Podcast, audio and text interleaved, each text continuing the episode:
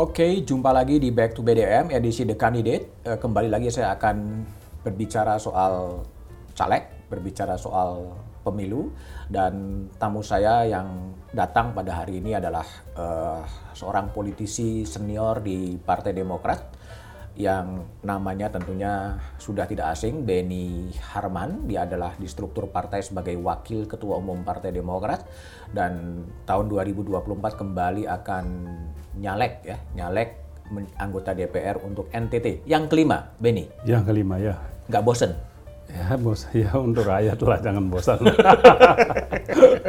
untuk Indonesia jangan bosan. Jangan bosen, lima Jangan kali bosan, menjadi lima anggota kali. DPR, akan nyalon lagi di NTT. Iya iya, Betul-betul nggak bosen ya?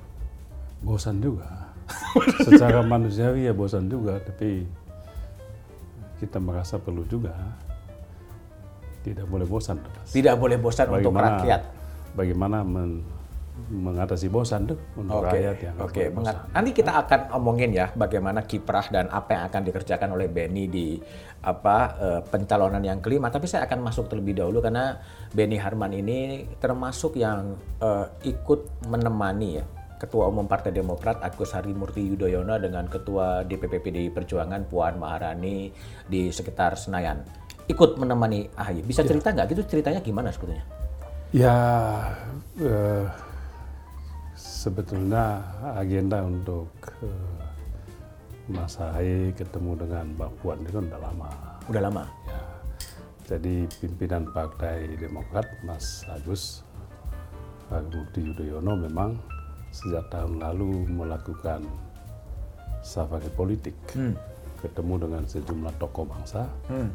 ketemu dengan pimpinan partai politik dan eh, semua sudah dilakukan, semua sudah ditemui dan tinggal eh, ketua umum PDIP yang belum Hmm. dan mungkin belum momentumnya, belum waktunya, belum pas begitu ya, sehingga apa yang kita impikan itu baru menjadi kenyataan yang kemarin itu, sehingga bagi kami ya, ini pertemuan yang tepat waktu lah ya, tepat waktu. Tapi apa sih Pas. yang dibicarakan dengan pertemuan Mbak Puan dengan Mas Ahy itu? Ya, eh, pertama eh, Mas Ahy dan Mbak Puan masing-masing menyampaikan pesan, Hmm. pesan dari eh, Ibu Megawati dan juga Mas Ahy menyampaikan pesan Pak SBY. Hmm. Ya, pesannya ya, ya saling apa, saling menjaga, ya, pesan menjaga negara ini ya, pesan eh, menjaga eh, situasi, menjaga suasana politik yang benar-benar aman, Hmm. benar-benar demokratis, ya, suasana yang enak gitulah ya, kurang lebih. Nggak ada membicarakan soal kerjasama politik. Ada juga eh, yang kedua itu ya mereka membahas eh, peluang kerjasama politik, baik sebelum maupun pada proses ini berlangsung maupun nanti setelah eh, agenda politik nasional ini selesai kita lakukan. Hmm. Ini semua eh, menjadi bahan yang didiskusikan oleh eh, Mas Ahy dengan Mbak Puan. Ya. Itu konkretnya kerjasama politik PDI Perjuangan dengan Demokrat itu seperti apa? Ya bisa kerjasama, bisa sebelum. Sebelum itu dalam kaitan dengan agenda agenda eh, pilpres ini kan, ya agenda pilpres ini juga Mas Ahy tentu ditanya oleh Mbak Puan, nah, apakah Mas Ahy sudah eh, pasti Demokrat mendukung Anies ya kurang lebih begitulah ya. Jadi semua me- me- menegaskan bahwa eh, Ibu Puan juga eh, menyadari bahwa Demokrat sudah eh, ada di posisi koalisi perubahan dan perbaikan dengan Mas Anies sebagai eh, calon presidennya.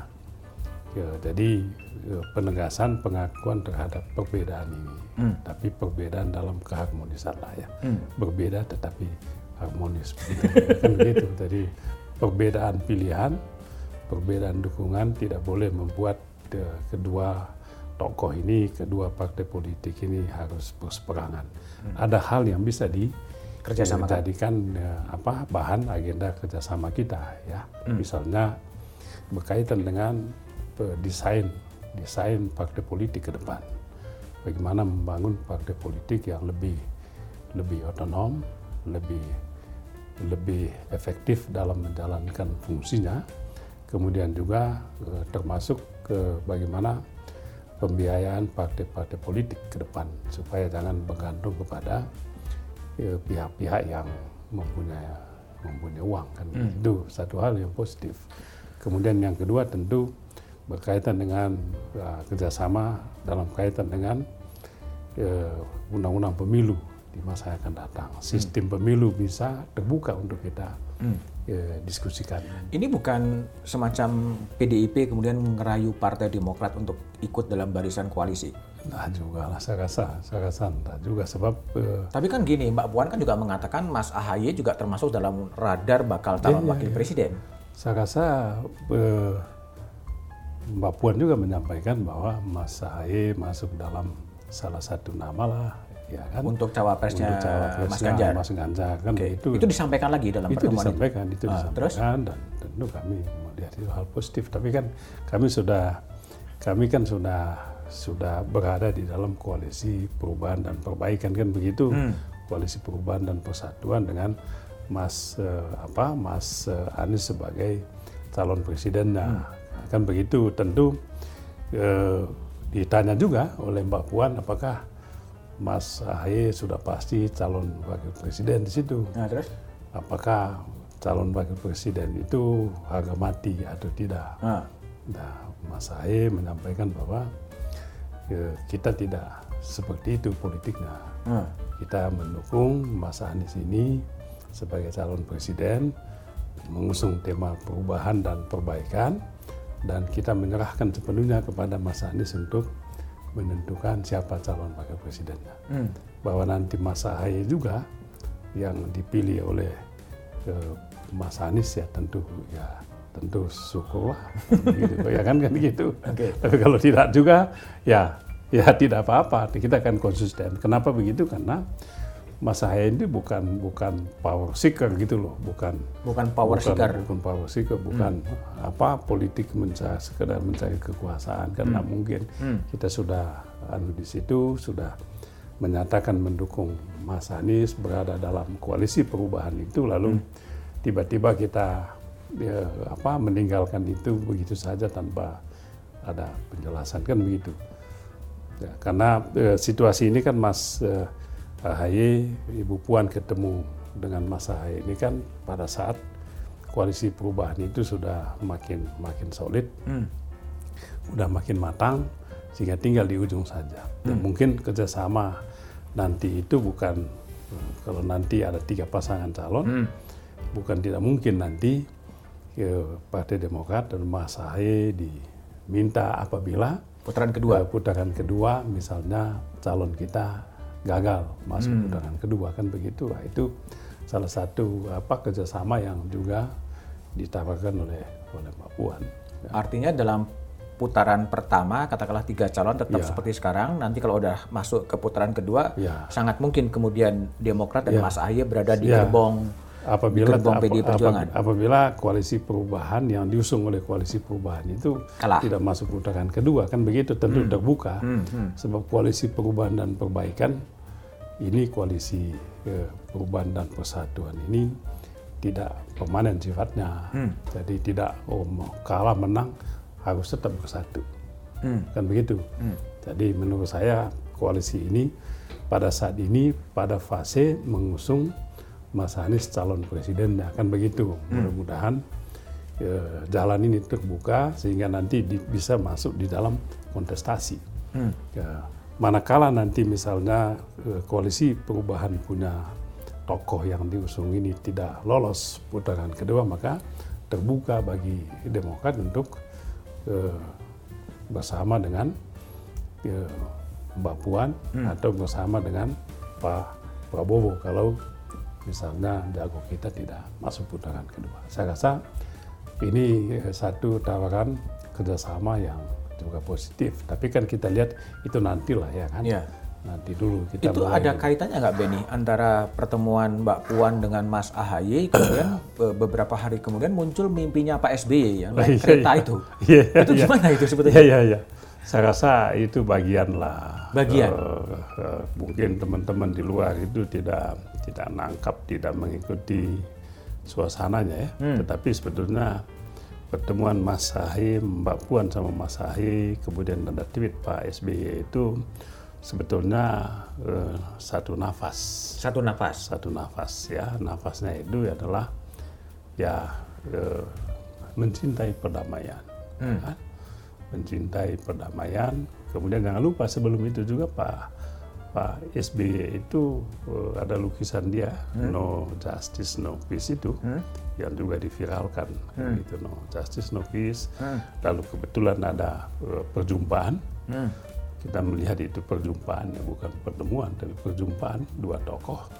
Karena perjumpaan itu pasti selalu membawa perubahan apa pun itu ya.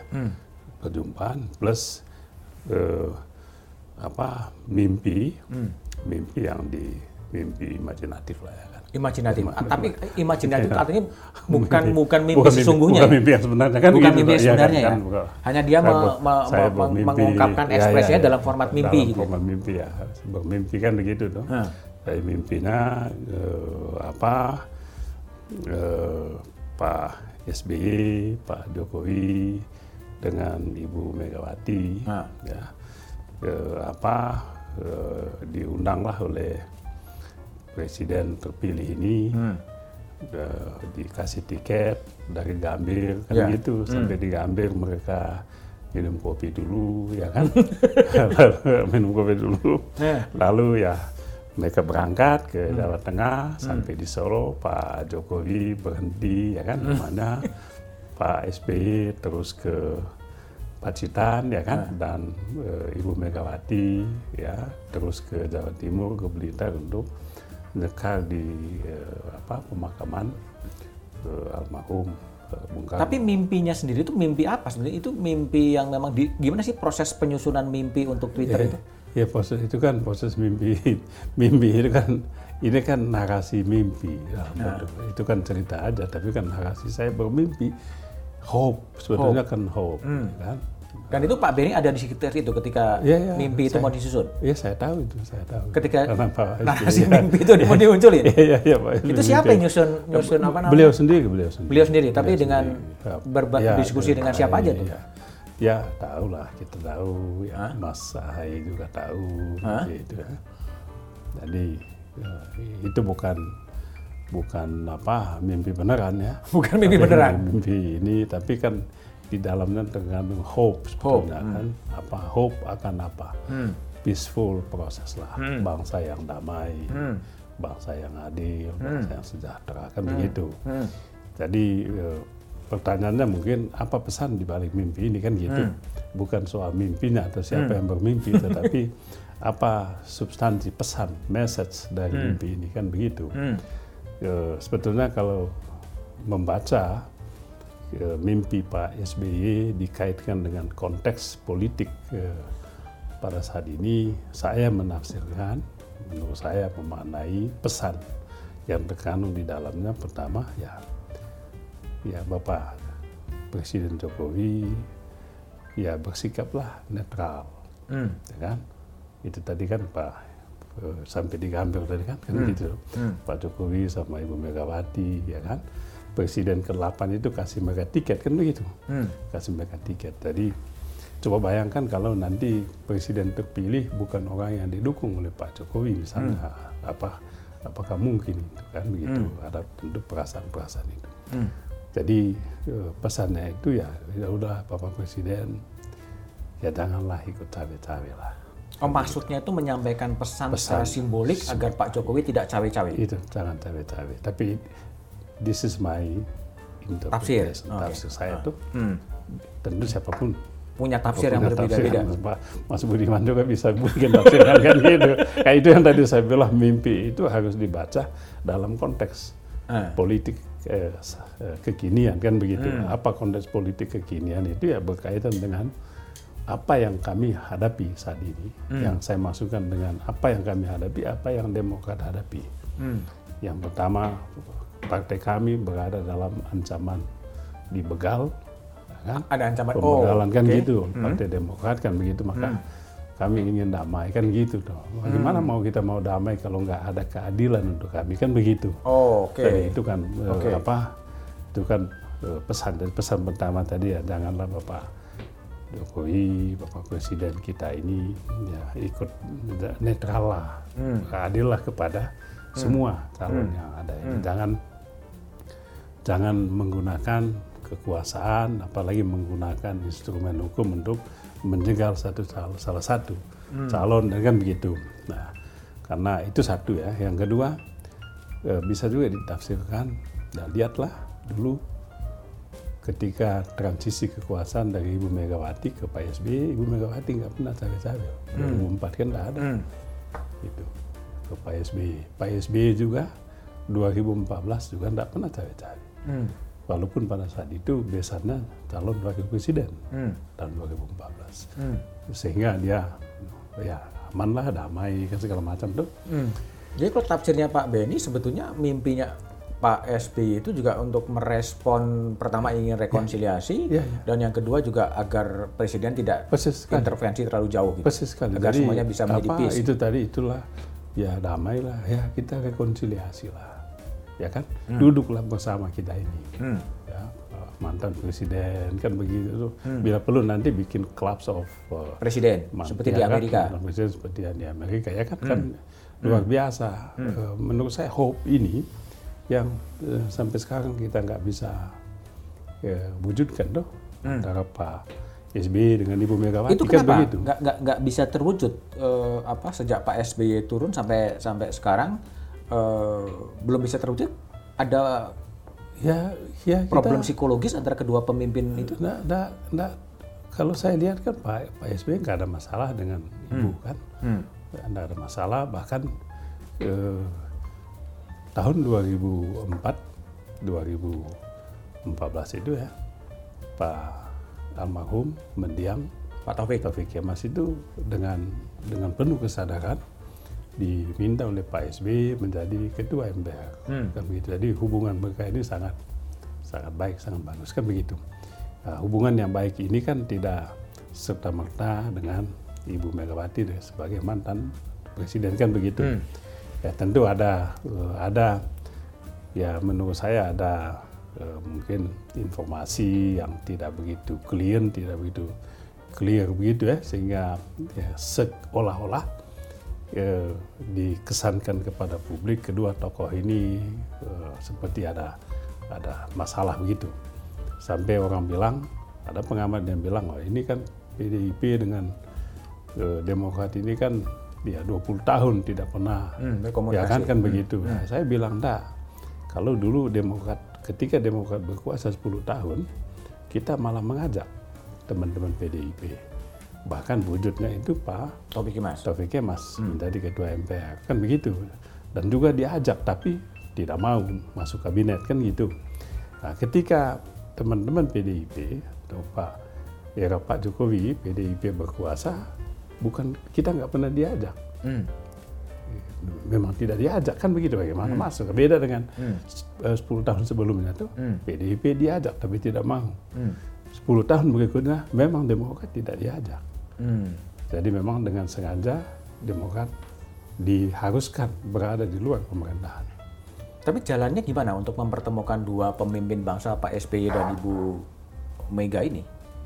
Ya menurut saya pertemuan Mas eh, Ibu Puan dengan Mas Ahy adalah adalah sinyal, adalah jalan kan begitu.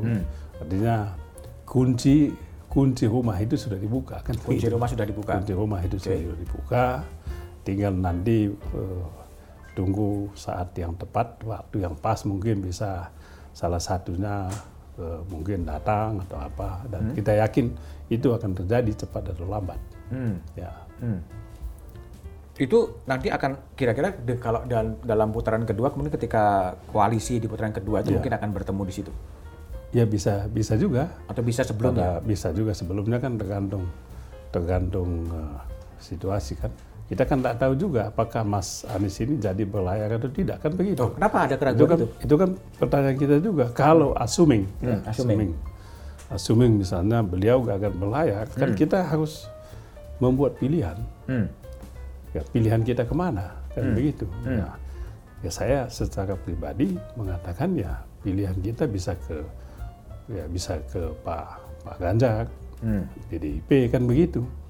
Ya, eh, tentu ada yang lain juga menghendaki mesti ke Pak Prabowo, Prabowo tapi itu kan pilihan kan. Tapi itu kan tadi sekali lagi eh, assuming ya Hmm. dengan pengandaian kan begitu. Ini Tentu- assuming ini berdasarkan telaah dari apa? Eh, Wamenkumham era Pak SBY Denny Indrayana juga mengatakan Iya, iya, bahwa iya. ada Iya, iya, akan apa akan menjadi tersangka gitu. Eh, itu eh, assuming ini kan ada ada ada penjelasannya Hah? ya kan assuming berpasaskan berpasiskan pada petunjuk-petunjuk Hmm. kan gitu Hmm. petunjuk petunjuk ya, petunjuk berdasarkan kecenderungan eh, pada realitas Hmm. yang sedang eh, terjadi pada saat ini Hmm. yang pertama itu eh, kita melihat apa yang dihadapi oleh teman-teman Nasdem sebagai pendukung utama Oke. eh, Mas Anies kan begitu. Hmm. Ya, tokoh-tokoh partai ini kan begitu. Pak Sekjennya Mas Bui kan gitu. Kemudian eh, apa Mentan juga ditengarai ya bermasalah juga dengan KPK dan konon katanya juga mau ditersangkakan. Eh, kemudian juga eh, yang lain-lain juga kan begitu. Kemudian pada saat yang bersamaan juga kami juga berada dalam eh, suasana yang was-was tadi. Ya kan PK Pak Muldoko ini kan begitu. Hmm. Eh, memang kalau kita ditanya eh, ini kan kekhawatiran yang tidak masuk akal Hmm. tidak waras kalau kita khawatir. Gimana khawatir? Wong bukti-buktinya sama sekali tidak ada yang baru di situ kan, tidak ada yang tidak ada yang menakutkan dari bukti-bukti yang ada. Tetapi dari kecenderungan politik eh, yang paling terkini ini, ya kita justru eh, berhati-hati. Karena kadangkala apa yang kita amati, apa yang kita lihat dengan mengacu pada eh, acuan-acuan hukum yang ada, maka kita menyimpulkan kita berada, berada pada posisi yang safe kan begitu. Hmm. Tapi kan kita melihat kasus eh, MK misalnya ketika membuat putusan memperpanjang masa jabatan KPK. masa jabatan KPK itu sama sekali nggak ada dasar hukumnya Hmm. kok bisa? Itu bisa kita perdebatkan, ya kan? Kemudian juga sama juga dengan ya, apa putusan Mahkamah Konstitusi soal sistem pemilu, Hmm. Ya kan? Walaupun kemudian mereka menolak, tapi substansi alasannya itu sebetulnya eh, di luar apa yang eh, menurut kami eh, seharusnya dilakukan oleh Mahkamah Konstitusi, sebab itu bukan kewenangan dia. Oke. bukan kewenangan MK kecuali MK menambah kewenangannya sendiri. Kan gitu menambah kewenangannya sendiri. Kemudian juga dengan eh, KPK juga bisa loh. KPK itu ditambah masa jabatannya oleh MK yang sebetulnya itu bukan urusan MK kemudian sebelumnya juga kalau Mas Budiman tahu ketika ada eh, hakim Mahkamah Konstitusi yang di recall oleh Dicopot oleh DPR. dicopot oleh DPR. Oh, itu mungkin substansi oke, tapi kan prosesnya, Hmm. proses pencopotan itu yang menurut saya syarat dengan ya, kepentingan-kepentingan ya, politik. Hmm. Nah, inilah yang tadi saya katakan eh, menjadi indikasi-indikasi yang membuat kami untuk sampai pada satu sikap eh, merumuskan assuming, Assuming. tadi kan gitu. kan. Assuming kalau Mas jamaah, Anies ya kan? bisa berlayar. Iya kalau jamaah. Lalu bagaimana kalau apa yang kita assuming ini terjadi kan begitu kita harus ke mana kan begitu Hmm. kan ada pilihan itu tadi walaupun di internal partai Demokrat belum membahas itu Oke. ya akan ke mana kan begitu Tapi kalau fungsionaris dan elit-elit Partai Demokrat eh, pada satu masa pernah meminta kepada Mas Anies untuk segera mengevaluasi dukungan apa mengevalu mengumumkan segera mengumumkan bakal calon wakil presiden itu gimana? ya saya rasa eh, di dalam salah satu butir piagam piagam apa piagam kesepakatan itu memang salah satu isinya itu meminta Mas Anies untuk segera mungkin mengumumkan, mengumumkan kan begitu. Hmm. Saya rasa saya rasa uh, bukan hanya uh, soal piagam aja, tapi ada kebutuhan elektoral juga kan. Ya terus terang aja Demokrat kan susah. Bagaimana kita mau mengkampanyekan ini belum jelas hmm. siapa hmm. siapa cawapresnya kan begitu. Hmm. Ya eh, teman-teman kader partai Demokrat itu belum belum ada yang secara masif untuk membuat baliho hmm. Anies Baswedan sebagai capresnya. Hmm. Kan begitu. Nah, semuanya menunggu, jangan sampai nanti ini ternyata tidak, kan begitu. Nah. Tapi bagi Demokrat, apakah AHY sebagai bakal calon wakil presiden sesuatu yang harga mati? Dan nah, kita tidak pernah me, me, mengambil posisi Mas AHY sebagai harga mati sebagai calon wakil presiden kan hmm. begitu. Jadi itu juga yang kita sampaikan kepada Pak Anies Baswedan hmm. itu itu hak prerogatif dia lah hmm. untuk menentukan siapa cawapres ya kan begitu. Hmm. Tetapi kan harus ada penjelasannya. Hmm. Pertama itu harus elektabilitas. Oke. Okay. ada harus ada kan begitu. Hmm. Kita kan mau menang. Hmm.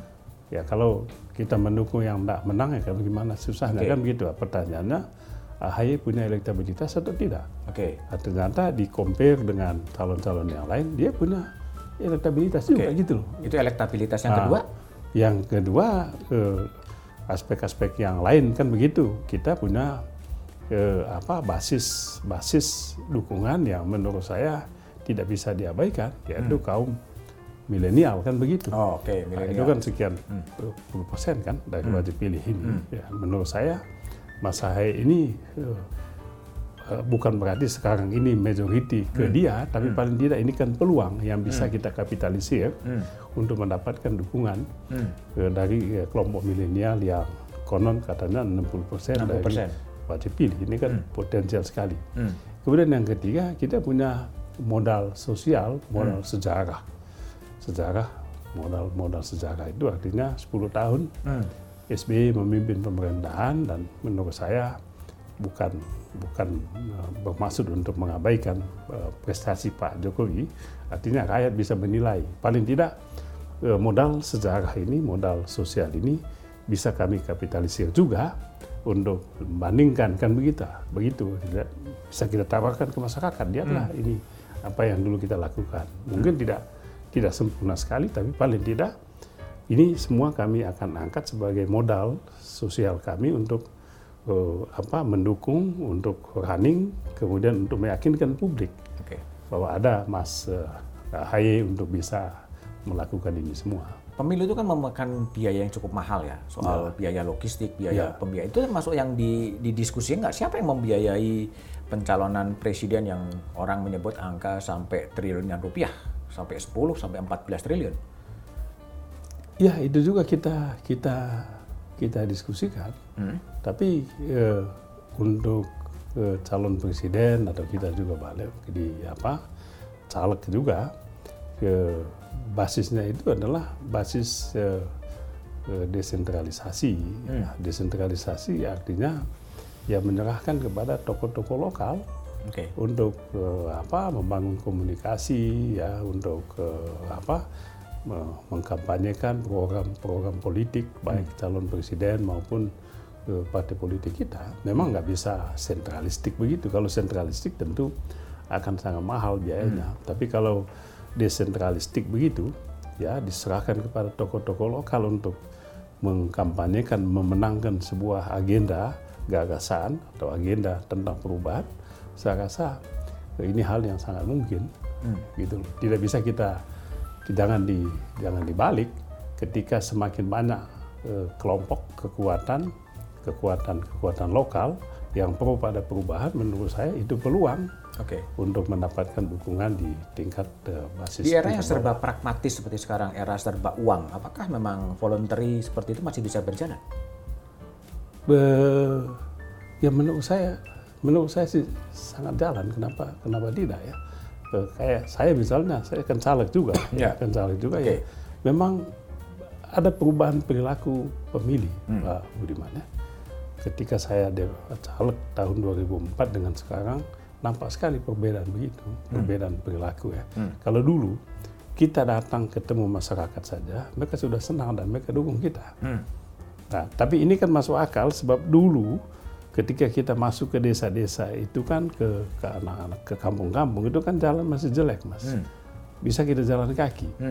Masyarakat setempat melihat kita datang ke kampung mereka dengan jalan kaki saja, mereka sudah memberi apresiasi tinggi dan pasti mereka akan pilih.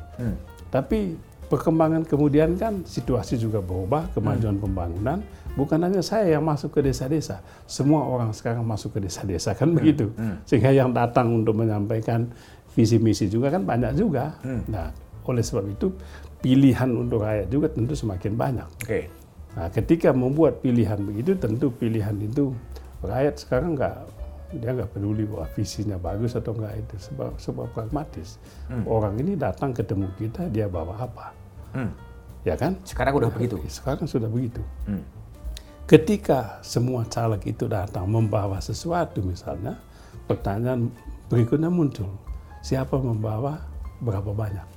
Hmm. Ya itu kompetisinya seperti, seperti itu juga. Hmm. Nah, apa akibatnya? Akibatnya sekarang ini memang politik serba pragmatis seperti yang Pak Budiman eh, eh, sampaikan tadi. Itu itu sudah realitas. Pragmatisme politik sekarang ini sangat tinggi. Ya, tinggal sekarang ini adalah pilihan kita sebagai politisi.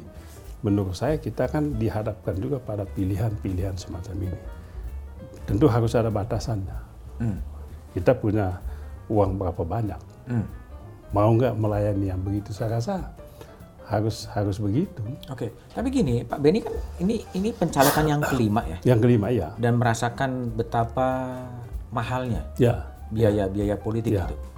Tapi apa yang membuat Pak Beni kemudian mau lagi terjun untuk yang kelima kalinya? Kelima itu kan tahun ke-21 lah ya kira-kira ya. ya ya ya. Ke-21 Ya, tahun ya. sebagai anggota 21 tahun ya. Ya, 21 kemarin. Ya, 21 tahun sampai 25 tahun itu eh, betul sekali itu tadi pertama gini.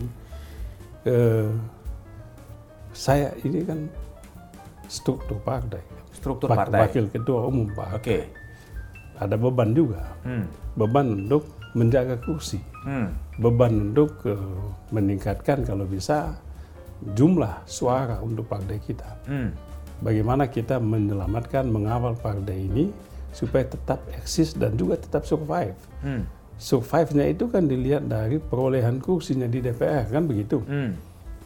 Nah, itu itu juga karena itu ketika kita zaman multi partai begini, ketika banyak orang terjun ke bawah, ya tentu kita juga berada pada posisi terancam juga kan. Hmm. Kita maju juga belum tentu orang milih, Belum ada orang kan milih. begitu. Hmm. Nah, karena itu yang eh, apa namanya eh, yang bisa kami usahakan, kami lakukan adalah mengumpulkan suara, meyakinkan pemilih bahwa Demokrat masih survive, bahwa Demokrat kalau survive masuk lagi dalam pemerintahan, menang lagi dalam pemilu, ini yang kami perjuangkan, ini yang kami perjuangkan.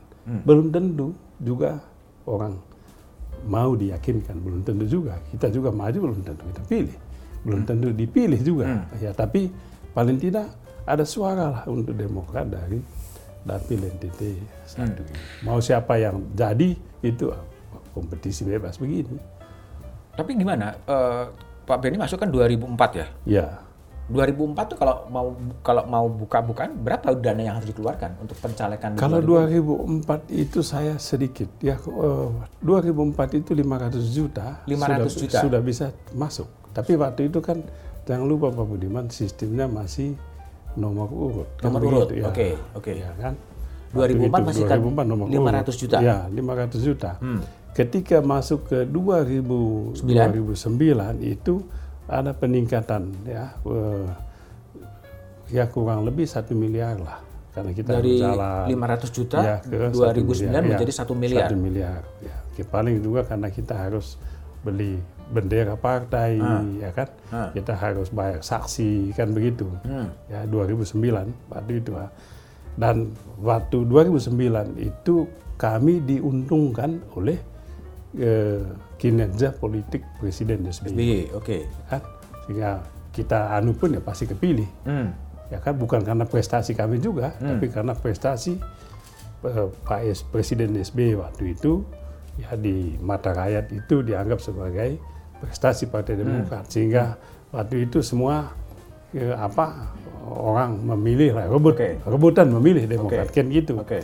Sehingga Demokrat mendapatkan perolehan kursi di DPR sampai 148 kan begitu Oke.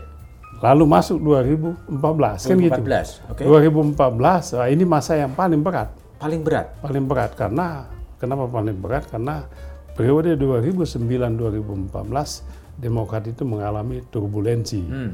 ya berbagai kasus korupsi yang yang melibatkan sejumlah tokoh utama partai kami sehingga Demokrat itu mengalami eh, apa titik paling rendah ya Hmm. eh, apa eh, kepercayaan publik ya terhadap partai ini. Jadi kita juga diminta oleh Pak SBY waktu itu ya ketua umum kami waktu itu untuk terjun lagi ke masyarakat lapangan untuk meyakinkan kan begitu. Tadi memang hasilnya dari 148 itu Pak Budiman, 148 Kursi. anggota DPR, tinggal 61. Tinggal 61. Tapi biaya yang dikeluarkan oleh Pak Benny di Sadis 2014 berapa? Sampai berapa? Ya, Kan 500. Saya satu 1 M. eh, 2014 saya habiskan, saya punya catatan semua eh, kurang lebih 2 miliar. 2 miliar. 2 miliar. 2014. 2014, 2 miliar. Terus 2019. Lalu 2019 saya sebetulnya 2019 ini saya se- sedikit saya keluarkan duit. Karena apa? 2019 saya merasa sudah fatigue politik. Karena apa? Fatigue. Karena tahun 2018 Pak Budiman saya akan maju Gubernur. Hmm. kalah ya, ini dan juga sukses saya sudah habis. Hmm. Si, tapi waktu itu Pak SBY minta lagi untuk maju lagi. Paling tidak untuk Mengamankan ya kursi. ma- untuk anu lah ya, karena saya bukan incumbent DPR waktu itu kan Hmm. untuk uh, ya membantu membantu dan waktu itu memang saya tidak turun lapangan sama sekali Hmm. ya jadi saya tidak Tapi turun habis berapa 2019? Wah, saya lebih sedikit waktu itu kurang lebih lah 500 juta 500 juta lagi. tidak ada bendera Hah? tidak ada baliho Hah?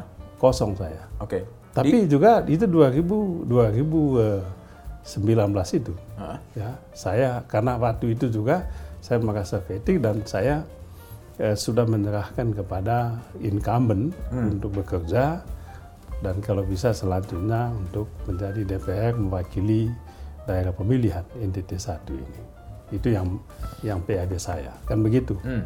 tetapi ternyata hasilnya tidak walaupun saya tidak ini ya lumayan juga Hmm. perolehan kursi saya secara pribadi, tapi secara kelembagaan, secara kepartaian, suara Partai Demokrat di NTT 1 mengalami kemerosotan luar yang luar biasa. Kami mendapatkan kursi terakhir. Padahal Kursi terakhir. pemilu pemilu sebelumnya paling kursi ketiga ya. ya. Tapi kan 2018 kan menjadi nyalon gubernur kan? Ya 2018. 2018 ya, kan? 2018 calon gubernur. Itu habis berapa nyalon gubernur? Wah, habis saya 2018 itu lumayan. Sekitar berapa? Ya, ya habis 10 miliar. 10 miliar. Ya, Tapi benefit Budiman. benefit politiknya masih Ya, popularitasnya ya, masih ya, dimakan ya, di ya, 2019 ya, ya, kira-kira. mungkin- mungkin 2019 itu ya. Oh. Jadi Ya, sangat mungkin. mahal. Sangat mahal, sangat mahal. Kalau Dan- dan kalau kenapa Pak kalau, kemudian- gu- kalau gubernur itu kan 22 kabupaten kota ya. Dua-dua kabupaten kota. Oke. Kalau 22 kabupaten kota. Tapi eh, kenapa kemudian masih begitu mahal dibandingkan dengan apa pendapatan formal dari sebagai anggota DPR? Tetap mau lagi untuk yang kelima tadi selain untuk mempertimbangkan eh, partai politik Demokrat sendiri. Ya kita eh, 2024 itu kita maju lagi ya untuk untuk itu tadi ya, ya paling juga kita saya rasa secara moral juga secara personal juga saya toh punya kewajiban untuk eh, apa menjaga partai ini kan gitu. Di paling tidak di dapil saya dia harus dapat kursi lagi kan begitu. Ya. Kalau untuk rakyat, untuk untuk konstituen Anda di NTT 1 yang di yang dijanjikan atau yang ditawarkan apa sebetulnya? Ya kita nggak bisa kita nggak bisa menjanjikan eh, selama saya DPR setiap kali maju pileg itu saya tidak pernah menjanjikan sesuatu kepada DPR ya kepada konstituen. Karena pertama saya tahu persis apa tugas DPR kan begitu Pak. Pak Budiman. Jadi saya tidak bisa memberikan janji seperti saya mau menjadi gubernur atau menjadi bupati kan nggak mungkin. Nggak Banyak walaupun saya lihat banyak calon-calon itu yang menjanjikan akan membangun jembatan, akan bikin jalan, akan bangun sekolah yang hal yang menurut saya janji-janji yang nggak mungkin karena itu bukan kewenangan dia.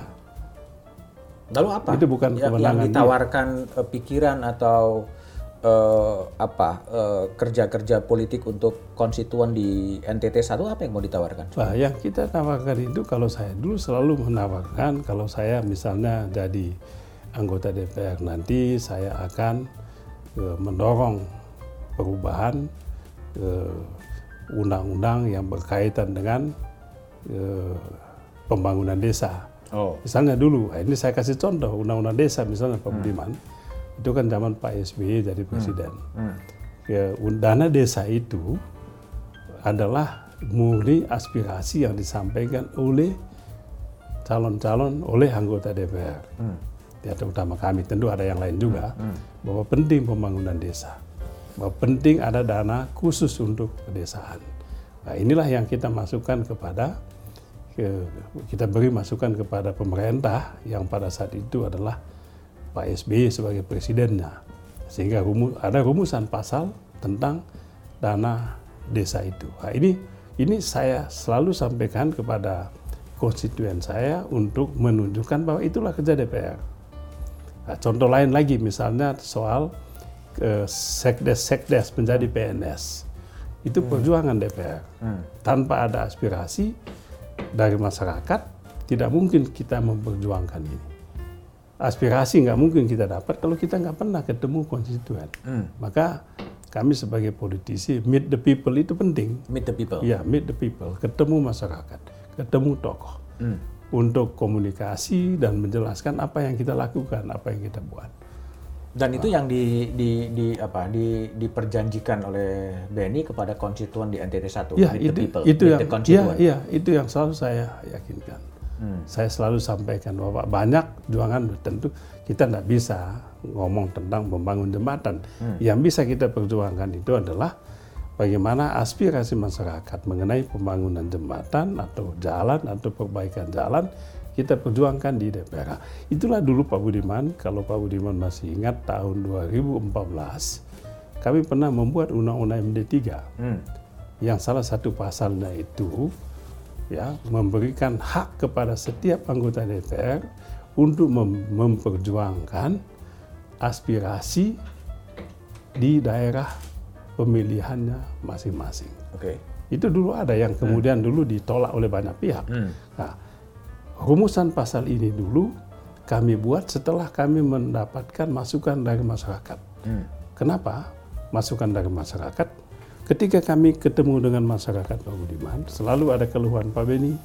Kami mau memperjuang, kami meminta Pak Beni untuk berjuang, memperjuangkan pembangunan jembatan ini, atau memperjuangkan uh, waduk ini, atau memperjuangkan jalan ini, kan begitu. Nah, ketika masyarakat menyampaikan itu kepada kami, kan kami harus membawa itu ke DPR, kan begitu. Nah, sayangnya sistem pembahasan anggaran di DPR ini tidak connect dengan ini. Bagaimana connectnya? Akibatnya apa? Masyarakat komplain, loh Pak Beni dulu datang ke sini, kami keluhkan soal bangun jembatan ini, Pak Beni, kok tidak dilaksanakan? Ya. Sekarang Pak Beni datang lagi meminta kami juga tetap juga tidak dilaksanakan. Maka kami mendapatkan satu rumusan dulu, oh harus dikasih hak DPR untuk memperjuangkan dana pembangunan Sekarang di udah ada? masih. Kan waktu itu kan ditolak, Ditolak. ditolak. Padahal yang kita maksudkan itu adalah aspirasinya supaya ada nyambung connectivity antara aspirasi masyarakat yang kami dapat ketika kami melakukan reses dengan meet the people tadi dengan perjuangan di DPR ini. Kalau enggak nanti masyarakat bilang wah nggak ada gunanya DPR ini. Kan begitu. Akibatnya apa? Akibatnya masyarakat itu konstituen itu melihat kinerja DPR itu bukan dari aspek yang ini, tapi dari aspek pragmatis tadi. Hmm. Ah, pragmatis apa? Siapalah yang membangun bahwa membangun gereja, bangun sekolah, bantuan gereja, bantuan masjid, kan macam-macam itu kan. Ya, kemudian banyak orang yang masuk ke masuk ke bui karena itu juga. Nah, kemudian ada anggota DPR yang juga eh, me- menyiasati ini, misalnya Pak Budiman, ada anggota DPR yang datang ke konstituennya dia membagi-bagi traktor, Lagi traktor. membagi traktor, membagi-bagi mesin eh, mesin giling padi, membagi-bagi eh, bantuan sapi, kambing, membawa eh, kip, kan gitu, kip. Nah, ini kan be- beas dana bos. Ada. Bos. ada anggota dewan yang datang ke sekolah-sekolah, datang ke masyarakat tadi untuk mendapatkan KIP tadi. Kan gitu. Nah, kenapa mereka melakukan ini yang sebetulnya bukan tugasnya DPR? Mereka melakukan ini untuk menunjukkan kepada rakyatnya bahwa ini loh kami berjuang. Hmm. Padahal kan itu tugasnya kepala Eksekutif. dinas, Hmm. tugasnya eksekutif, tugas kepala dinas. Tapi DPR datang begitu men- seolah-olah menyerahkan itu seolah-olah itu berasal dari koceknya dia. Hmm. Kan begitu. Tapi ini dilakukan untuk meyakinkan konstituennya Hmm. bahwa lihat kami berjuang untuk masyarakat, Hmm. bukan dana dia. Padahal itu tugasnya. Jadi ini ini kan yang jadi yang jadi jadi soal. Tapi menjadi anggota DPR yang seperti eh, Pak Beni bilang di wawancara terdahulu kan, ketika DPR sekarang kan terkesan menjadi tukang stempel juga gitu. Kalau iya saya ngomong Iya kan, juga. tukang stempel. Saya Tapi juga- terus kemudian artinya apa bagi bagi bagi bagi publik, bagi Ya. konstituen Anda? Ya tukang stempel itu karena ke apa ya eh, apa tidak mengkritisi itu kebijakan pemerintah. tuh. Ah. Nah, lalu apa yang kita lakukan? Yang kita lakukan kalau saya, saya paling tidak di dalam ruang yang sempit ini kita masih bisa melakukan fungsi pengawasan. Hmm. Ya kan, paling tidak adalah kebijakan pemerintah yang baik. Hmm. Eh, tinggal kita awasi apakah kebijakan yang baik ini sudah dilaksanakan dengan baik atau tidak. Hmm. Apakah pelaksanaan kebijakan pemerintah ini equal atau tidak, tidak diskriminatif. Misalnya ketika masyarakat mendapatkan dana COVID, Hmm. dana COVID atau bansos, kan kita ketemu masyarakat ada yang mengeluh Pak kok kami nggak dapat, padahal kami susah. Hmm. Tetangga kami kok dapat Pak Beni Pak, padahal mereka itu tidak kena COVID kan begitu. Nah itu berarti problem pada implementasinya. Nah, tugas kami adalah pengawasan dan saya rasa penting untuk mengawasi pelaksanaan kebijakan pemerintah ini. Mungkin tidak akan mengalami perubahan, tapi paling tidak menurut saya kita menyuarakan ketimpangan itu. Dan itu disuarakan oleh Beni di Twitter. Saya suarakan. Kenapa saya suarakan itu di Twitter? Karena ya itu tadi di DPR mentok kan begitu loh. mentok kan gitu loh. Ya kan? Jadi cari jalan Nah, lain. di, di DPR kita nggak ada rapat dengan itu ya kita ada lain. At least saya apa yang disampaikan oleh masyarakat saya tidak bisa perjuangkan saya suarakan di Hmm. Twitter. Itu di tweet sendiri atau ada admin? Oh saya tweet sendiri. Dengan tagar rakyat Oh iya monitor iya itu? dengan tagar rakyat monitor. Saya sendiri yang bikin, Hah? bukan orang lain. Karena DPR mampet. Iya karena DPR mampet ya udah saya pakai itu. Oke. Dan saya me- merumuskan eh, tweet-tweet saya itu tidak tidak asal bikin. Saya betul-betul eh, teliti, betul-betul cermat. Jangan sampai ada fitnah, jangan sampai ada hal-hal yang secara hukum ya bisa melanggar dan bisa menimbulkan masalah hukum. Jadi tweet-tweet itu dibuat ya karena memang suasana DPR Iya, yang iya, menjadi sangat DPR, sangat birokratik dan tidak Sa- memungkinkan ya, ya. eh, Pak anggota DPR untuk Tidak berbicara. mungkin kan kita rapat dengan ya, dengan Kapolri, dengan Jaksa Agung, KPK ya, ya, ya cuma dua tiga jam ya selesai kan begitu. Hmm. Nah, kalau du- dulu ya bisa berhari-hari. Kalau kita rapat dengan KPK, Jaksa Agung bisa satu dua hari tidak selesai. Nah kembali dalam dalam pencalekan yang kelima yang Pak Beni tawarkan apa kepada kepada konstituen di NTT 1 dan kepada publik kalau politiknya gini-gini aja terus. Loh iya, kalau ya itu yang saya sampaikan, menangkan kami, menangkan Demokrat. Ya kalau menang. Kalau menangkan nanti apa yang dulu rakyat nikmati selama Pak SBY memimpin pemerintahan akan kami hidupkan kembali. Oh. Ah, Jadi syaratnya menang. Sekarang, sekarang, ya dong. Kalau enggak kan nggak bisa. Sebab kekuasaan itu penting Pak Budiman untuk menjalankan itu. Kalau enggak kan nggak bisa. Hmm. Kami nggak bisa. Ada keluhan mengenai ya, P3K, Hmm. ya kan? Hmm. P3K ada keluhan mengenai ya, apa eh, masalah pendidikan kan begitu ya. Solusinya kalau mau berubah, mau berubah, mau caranya milih kami politik Hmm. adalah jalan perubahan. Kan begitu. Apa jalannya? Ya menangkan kami. Hmm. menangkan menang nggak Demokrat kan gitu tanpa perubahan. menang ya suasana tetap saja seperti ini. Maka tagline kami itu adalah change kan begitu. Pak. Change. Perubahan dan perbaikan. Nah, perubahan dan perbaikan itu tidak lalu berarti semua yang ada kita ubah, ya tentu tidak begitu. Yang terkandung di dalam tagline itu yang sudah baik ya kita pertahankan, kita kawal, kita lanjutkan. Kalau memang tidak ya kita koreksi kan begitu yang belum kita ini. Jadi semuanya people centered eh, vision begitu ya, visi yang berpusat pada kepentingan masyarakat. Tapi sebagai anggota DPR tetap kunci engagementnya adalah meet the constituent, bertemu dengan Itu konstituen. yang paling penting. Tidak mungkin kita dapat tanpa meet. Tapi jangan lupa ada juga yang tanpa meet the people Hah? menang juga. Ada juga. Itu berarti bukan bukan meet the people ada. Mungkin kapital meet the people kan gitu. Capital meet the Iya. Itu yang terjadi. Yang tadi Pak Budiman Iya, iya. iya. sebab pragmatis. Ada yang nggak pernah ketemu konstituennya kok bisa jadi. Itu nggak masuk akal dong. Hmm. Tapi yang terjadi. Hmm. Tapi gimana merespon itu? Eh, apa situasi masyarakat yang serba materialistik, serba kapital? Ya, eh, kita harus datang meyakinkan masyarakat. Jangan, oke, boleh saja saya tidak dipilih, Hmm. ya kan? Tapi kalau saya, kalau bapak ibu saya ketemu misalnya memilih saya ini loh yang saya lakukan. Saya minta bapak ibu kalau toh mau memilih orang lain selain saya, tanya ini apa yang dia lakukan, apa yang dia lakukan. Apa yang dilakukan? kan begitu. Nah, kadang-kala saya eh, kemudian setelah jadi saya ketemu lagi banyak orang yang mampir ke saya dan mengatakan benar yang Pak Benny katakan dulu. Kami suka yang begini. Hmm. Nah, sebagai politisi dari Partai Demokrat, kadang-kala kami eh, menemui bertemu dengan konstituen yang yang meminta Pak Benny kenapa tidak ada lagi, tidak ada lagi ini, tidak ada lagi ini.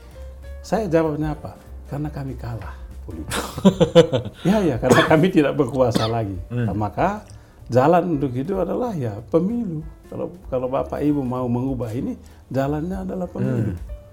Enak Bagaimana mana sih? pemilu itu ya milik kita ini. Enak mana sih menjadi anggota DPR ketika in- berkuasa atau menjadi anggota DPR ketika beroposisi? Ya pada saat eh, kita berkuasa dulu itu lebih enak, Lebih enak. lebih enak. Hmm. Ya. Oposisi karena kenapa lebih enak kami dulu tidak ada batasan terhadap eh, apa rapat-rapat di parlemen. Hmm. Pak SBY 10 tahun itu DPR itu paling ribut. Hmm. paling ribut. Tapi tetap ada endingnya. ya. Jadi rapat di DPR itu paling paling paling itu kita dulu Pak Budiman menyaksikan bagaimana rapat rapat paripurna bisa sampai malam. Jadi Ya. deliberasinya betul-betul hidup. Hmm. Bahwa bahwa kemudian endingnya begini ya itu soal lain pada voting. Oke. Ya, selama ini kan hampir nggak ada lagi ribut-ribut soal voting atau apa, kecuali pemilihan ketua aja. ya, ini. Oke, yang terakhir aku tanya. Ini gimana masa depan dari KPK? Ya, setelah undang-undangnya direvisi, ya, KPK menjadi bagian dari rumpun kekuasaan eksekutif, ya. ya. Kemudian pegawainya menjadi aparatur sipil negara. Komisionernya kemudian eh, ada yang kena teguran dari dewan pengawas dan yang terakhir adalah ada pungli di Ya, ya. rutan KPK sampai 4 miliar menurut Dewas. Ya, eh, sebetulnya eh, sejak perubahan undang-undang KPK, Hmm? Sejak adanya eh, apa TVK, Hmm. kemudian ada Dewas itu tadi, ada memang upaya sistematik, Ada upaya sistematik. sistematik untuk memperlemah melemahkan Hmm. KPK ini. Hmm. Jadi kalau KPK sekarang ini seperti ini, ya inilah produknya. Hmm. produk dari agenda ini. Ya.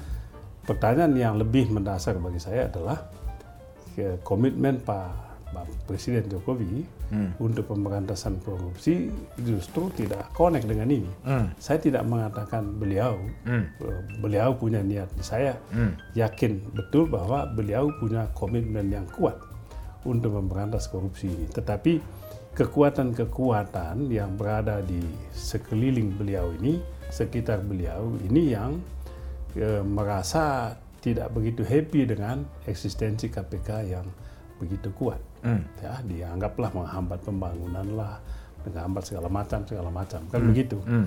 Ya, oleh sebab itu kalau memang ada keinginan untuk mengembalikan KPK itu eh, kuat seperti dulu, ya tidak ada cara lain harus uh, kembalikan uh, KPK uh, seperti sebelum ada perubahan undang-undang KPK ini. Hmm. Ya tidak boleh lagi ada dewas. Mana dewas? Dewas kok tiba-tiba membuat keputusan tidak ada pelanggaran etik itu hmm. hal yang hal yang ya itu tadi kadang-kala dewas itu melawan kewarasan publik hmm. ya kan ya kemudian soal pung, pungli-pungli di hmm. rutan di rutan menurut saya itu hanya percikan kecil, kecil. Hmm. ada lagi yang lebih besar lagi dari itu ya cerita-cerita masyarakat eh, ada lagi yang lebih dahsyat dari itu apa itu ya ya ya ya bisa ditransaksikan kasus-kasus di KPK itu bisa ditransaksikan, bisa diperjualbelikan. Hmm. Itu kan yang nah, sudah tertangkap dalam kasusnya Robin. Ya itu itu kan ya kan dalam kasus itu, tapi yang lain-lain juga kan ada. Hmm. Yang yang kedua menurut saya eh, penegakan hukum pemberantasan korupsi yang tebang pilih hmm. eh, itu eh, apa nampak sekali hmm. pada era sekarang ini. Ya dan KPK tidak mampu menjelaskan dugaan-dugaan prasangka-prasangka yang dibangun oleh eh, publik. Ya narasi-narasi yang dibangun oleh publik mengenai adanya hal-hal eh, yang ya, tidak patut dilakukan oleh KPK ini. Ya ya ya tebang pilih lah. Kalau ya. kalau soal pungli ya sampai 4 miliar ini uangnya ke mana sih sebetulnya ya ya ya nggak tahu gitu. Apakah ke pegawai segala macam ya. Ya mestinya kalau Dewas itu Dewas itu mau memperbaiki KPK ya mereka harus selidiki masalah eh, pungli di hutan ini. Tapi pungli di hutan ini hanya soal kecil aja menurut saya. Soal kecil. Ya, enggak usah ya harapan saya sebetulnya bukan soal eh, masalah pungli di hutan ini di, dibuka ya. Tapi eh, eh, harapan saya ini adalah pembuka pintu hmm. ya untuk uh, Dewas masuk lebih dalam, masuk lebih jauh untuk menelisik ya praktek-praktek yang konon katanya lebih lebih dahsyat lagi dari sekedar menguli di hutan itu.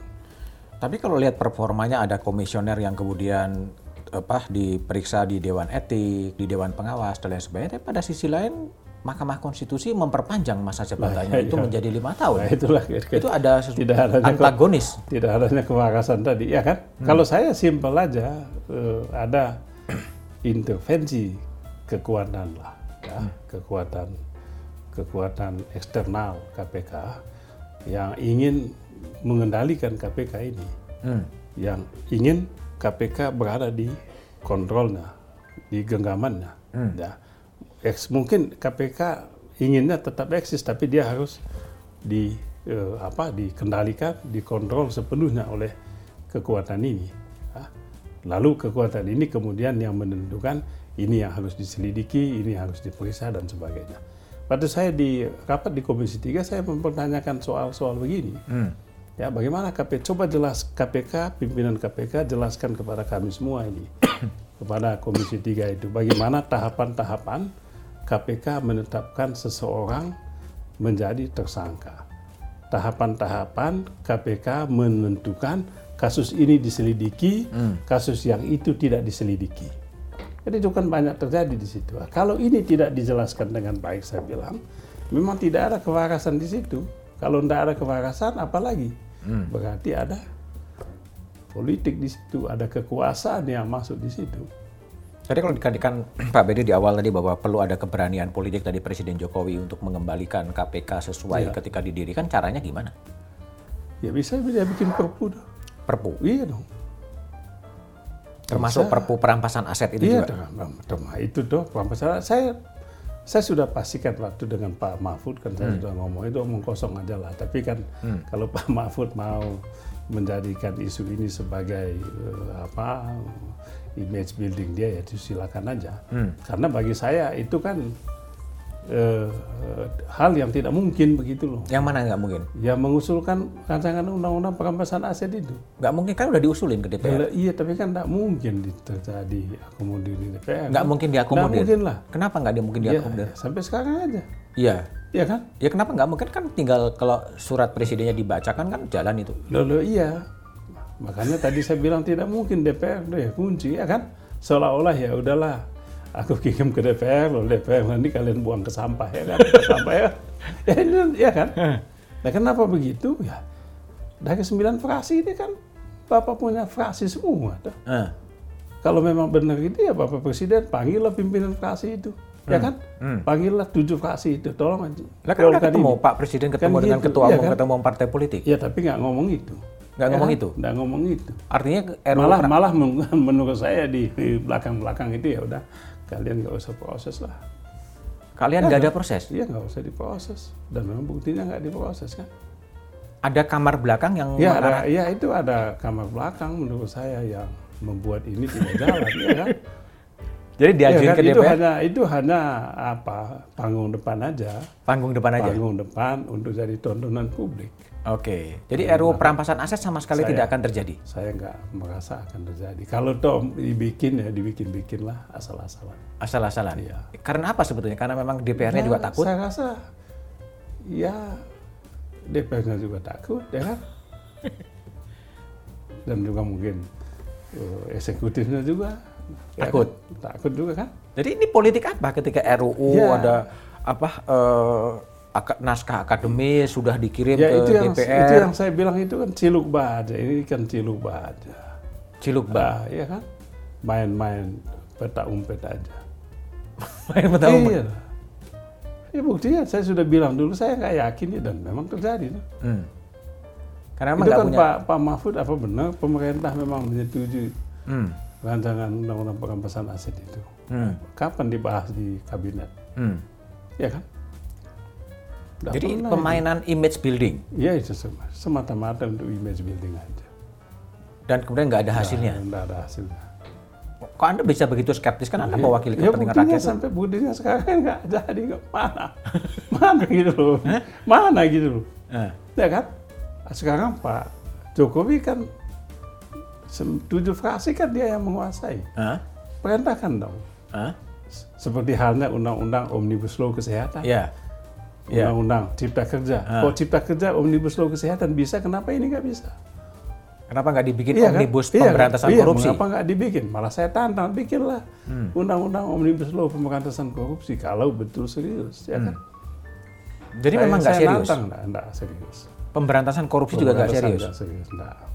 Saya enggak anggap serius. Jadi apa yang bisa diharapkan? Ya, ya begini-begini aja. Kalau mau lebih jauh lagi ya, ya memang harus ganti dulu rezim ini. Tukar dulu. Ya kan? Ganti ya rezim. udahlah ganti dulu lah, kasih dulu yang lain ya kan? Nah, tapi Sami Mawan juga kan? Ya belum tentu dong. Belum tentu Tapi juga. kan yang ada ini kan sudah jelas. Tapi kalau ganti yang lain, Hmm. saya yakin peluangnya bisa lebih baik, ya kan? Tapi mungkin juga tetap. Tapi kalau tetap yang lama ya udah udah tahu kita begini-gini aja, Hmm. ya kan? Terakhir Ben, jadi kalau kalau saya nanya itu kan lima kali jadi anggota DPR. Iya iya. Kenikmatan apa sih jadi anggota DPR itu kok orang berburu menjadi Nggak ada nikmat. Saya rasa kalau mau bilang nikmatnya nggak ada nikmatnya. lah. Hah? Nggak ada nikmat. Lah kenapa kamu mau? Ya kalau mau satu ya. Kenapa saya mau DPR itu paling tidak saya akan mendapatkan peluang, ruang untuk menyuarakan apa yang saya anggap dan menurut saya rakyat setuju juga Hmm. yang saya anggap tidak adil itu. Dengan Oh. DPR saya bisa suarakan itu. Paling tidak saya menyuarakan itu dan saya ya paling tidak melalui ini saya saya membuktikan itu loh apa. Kalau nggak bisa di. DPR Ya, lewat Twitter ya? Saya lewat Twitter ya kan. saya ngomong itu apa yang saya anggap memang rakyat perlu rakyat Hmm. apa yang menjadi kerisauan rakyat, kegalauan rakyat saya suarakan. Hmm. Yang tidak mungkin saya akan lakukan kalau saya bukan menjadi saya tidak menjadi member of parliament. Tapi saya tidak terlalu eh, ini dengan kan saya sudah sekian periode, tapi kepentingan saya sekarang adalah bagaimana supaya partai saya survive Oke. ya supaya apa yang menjadi cita-cita partai kami, ideologi partai kami ini, kepentingan partai kami ini ya benar-benar akan terwujud begitu ya. Itu kita punya pribadi saya ya setelah sekian puluh tahun itu Demokrat harus survive, harus terus melanjutkan memperjuangkan kepentingan yang eh, menurut saya sangat dibutuhkan oleh masyarakat Indonesia. Dan resepnya itu adalah meet the people, yeah, meet the constituent. Ya, meet the people, meet the constituent. Tidak ada resep gampang begitu. Dan saya rasa saya nggak bangga jadi DPR kalau nggak pernah ketemu rakyat, apalagi hanya membeli. Saya lebih bangga biar saya kalah hmm. daripada saya menang karena saya beli suara rakyat. Hmm. Dan saya open, tidak kalau kalian mau dukung saya karena duit tidak. Hmm.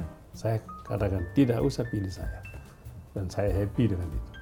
Lebih karena karena karena, ya, karena itu juga saya merasa saya tidak banyak buang duit untuk jadi anggota DPR.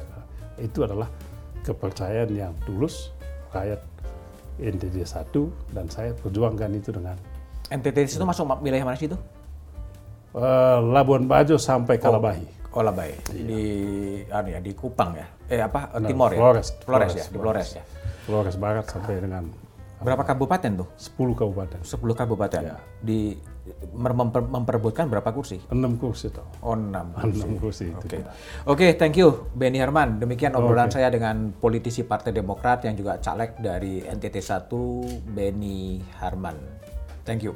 Terima kasih banyak, Mas. Terima kasih, terima kasih.